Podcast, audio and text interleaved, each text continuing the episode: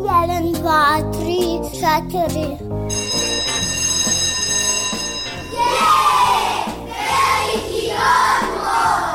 Emisija o obrazovanju i vaspitanju. E, Kad neka vaspitačica kaže da je veliki odmor, onda nešto radite. Jedeš, treniraš, skačeš, julješ se, eto, i tako.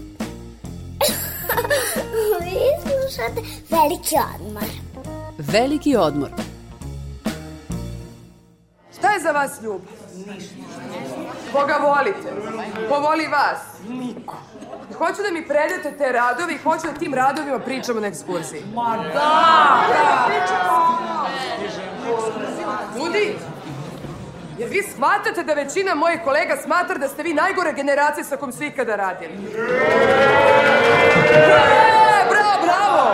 Da nemate ni trupu empatije, da ste hladni, otuđeni. Hvala. E pa vidite, ja ne mislim tako. Možda zato što sam glupa ili naivna, možda zato što sam bila u vašim godinama. Nije lako biti tinejdžer. Nije lako ni njihovim roditeljima, niti nastavnicima. Dok su jedni vrlo osetljivi, nesaradljivi, vrlo često odsutni od kuće i okrenuti svojim vršnjacima, drugi su veoma zabrinuti i pomalu ljuti.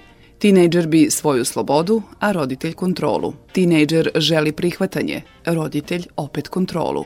I sve tako u krug dok ne bukne svađa. I to prava svađa.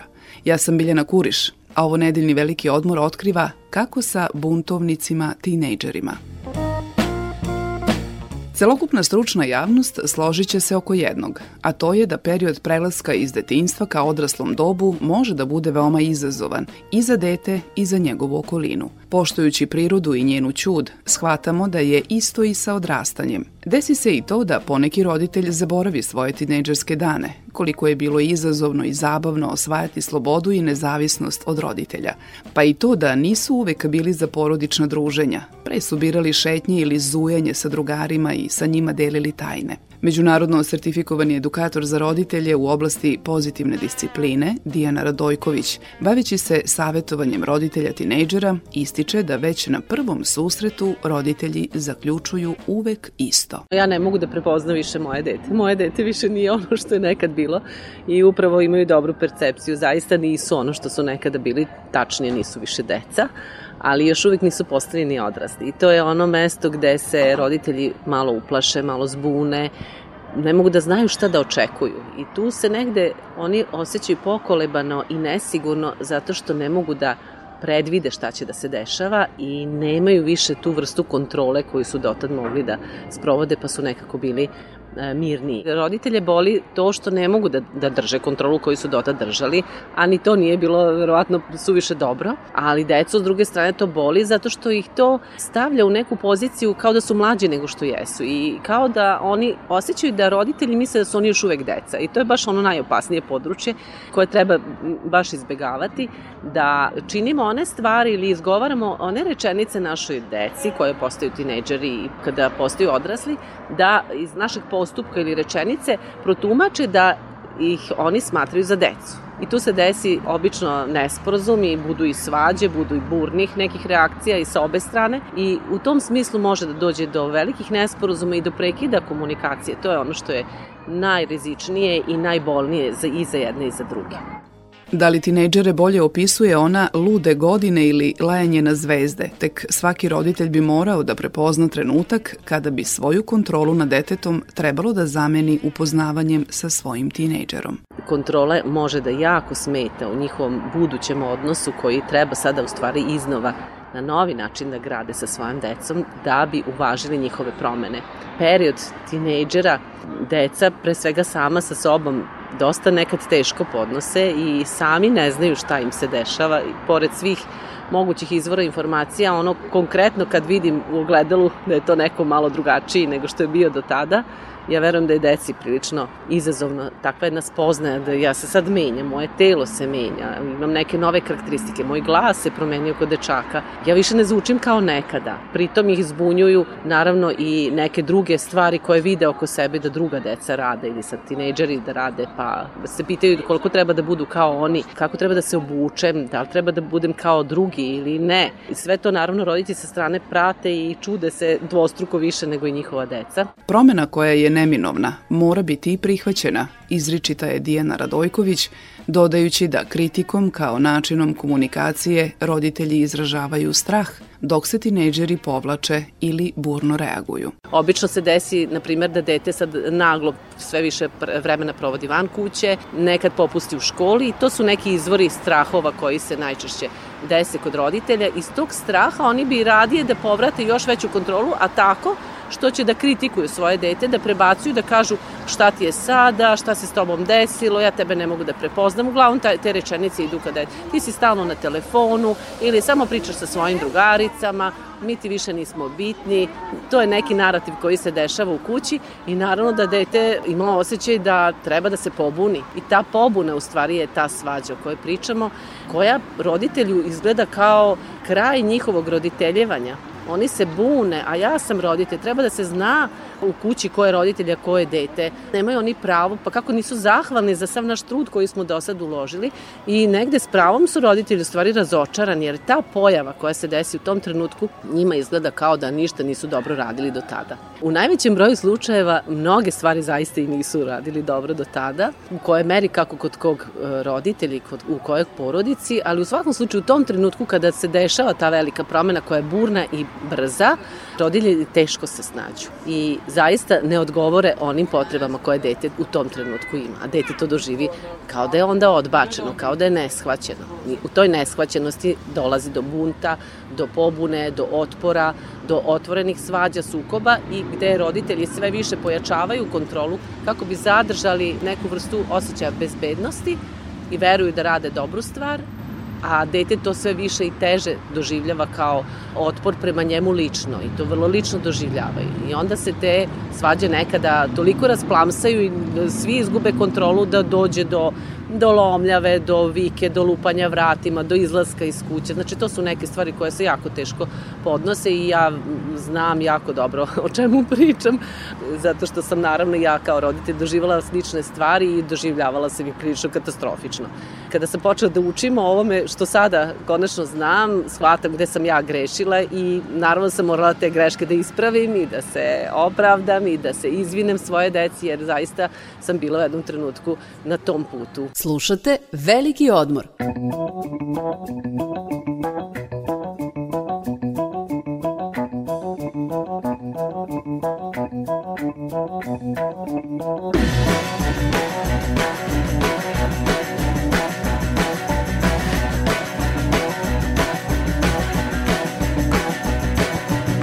Želiš let za dalek svet možeš sam. Jutro se promeniti neće. Svež miris istine kreće.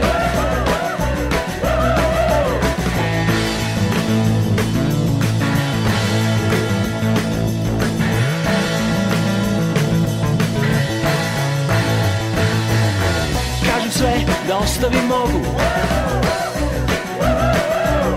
pogled u stranu mi otvara ranu. Oni hoće, oni misle da znaju. Još jedan pokušaj i bit ću bolje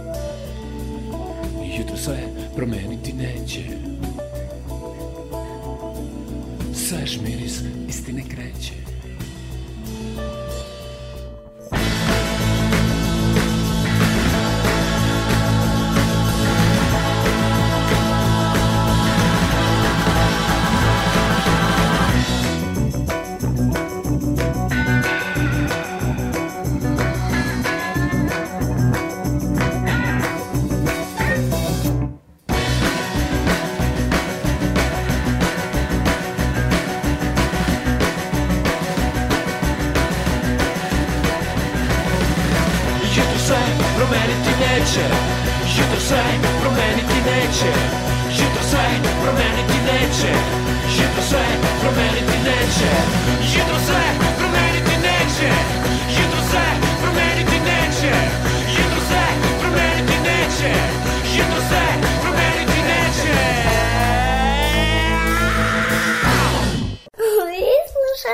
Veliki odmor. Ukoliko dugo traje period međusobnog neprihvatanja, tinejdžeri se vrlo brzo udalje od svojih roditelja, objašnjava edukator za roditelje u oblasti pozitivne discipline Dijana Radojković. E, ono što je roditeljima najteže je da shvate da oni moraju da se menjaju. Deca se svakako menjaju. Njima je to na redu razvoja i snalaze se u tome koliko mogu, bilo bi dobro da imaju roditelji u sebe da se u tome bolje snalaze, ali šta roditelj da radi koji nije svestan da on mora da promeni svoj odnos prema njima, ne samo odnos koji se čuje po tome šta izgovaraju i kako postavljaju granice, nego baš po tome da gledam na moje dete kao, kao da više nije dete, nego je neko ko postaje odrastao. Mislim da je to suština, najveća suština te težine koju roditelji dožive, a oni nisu spremni da se menjaju. Uopšte čoveku nije u prirodi da voli promene. To je, to je prosto tako. S jedne strane vide ogromne promene kod svoje dece, pa ne mogu da shvate šta je, a s druge strane ne mogu ni da izgovore to sebi, ej, ja moram da se menjam, ja moram drugačije da postupam sa mojim detetom, ja moram da promenim svoje očekivanja. Ili da im ne imam nikakva očekivanja, nego da prosto samo shvatim da je to jedno živo biće koje sam eto ja rodila u našoj kući. Mi živimo zajedno, delimo krov nad glavom, delimo porodične vrednosti i ja sam ta koja treba da bude diskretnija nego do sada. To je ono što, se teško desi kod roditelja i onda vrlo često se obraćaju e, za pomoć, dolaze na savetovanje sa takvim nekim iskustvima da je došlo do potpunog prekida komunikacije, do totalne diskonekcije, što znači uopšte nema razgovora. Dijana je sa nama podelila jedan od primera neshvaćenog tinejdžera i zabrenutih roditelja, onda kada je svaka komunikacija prekinuta. Došli su po pomoć, došli su da pitaju šta da radimo.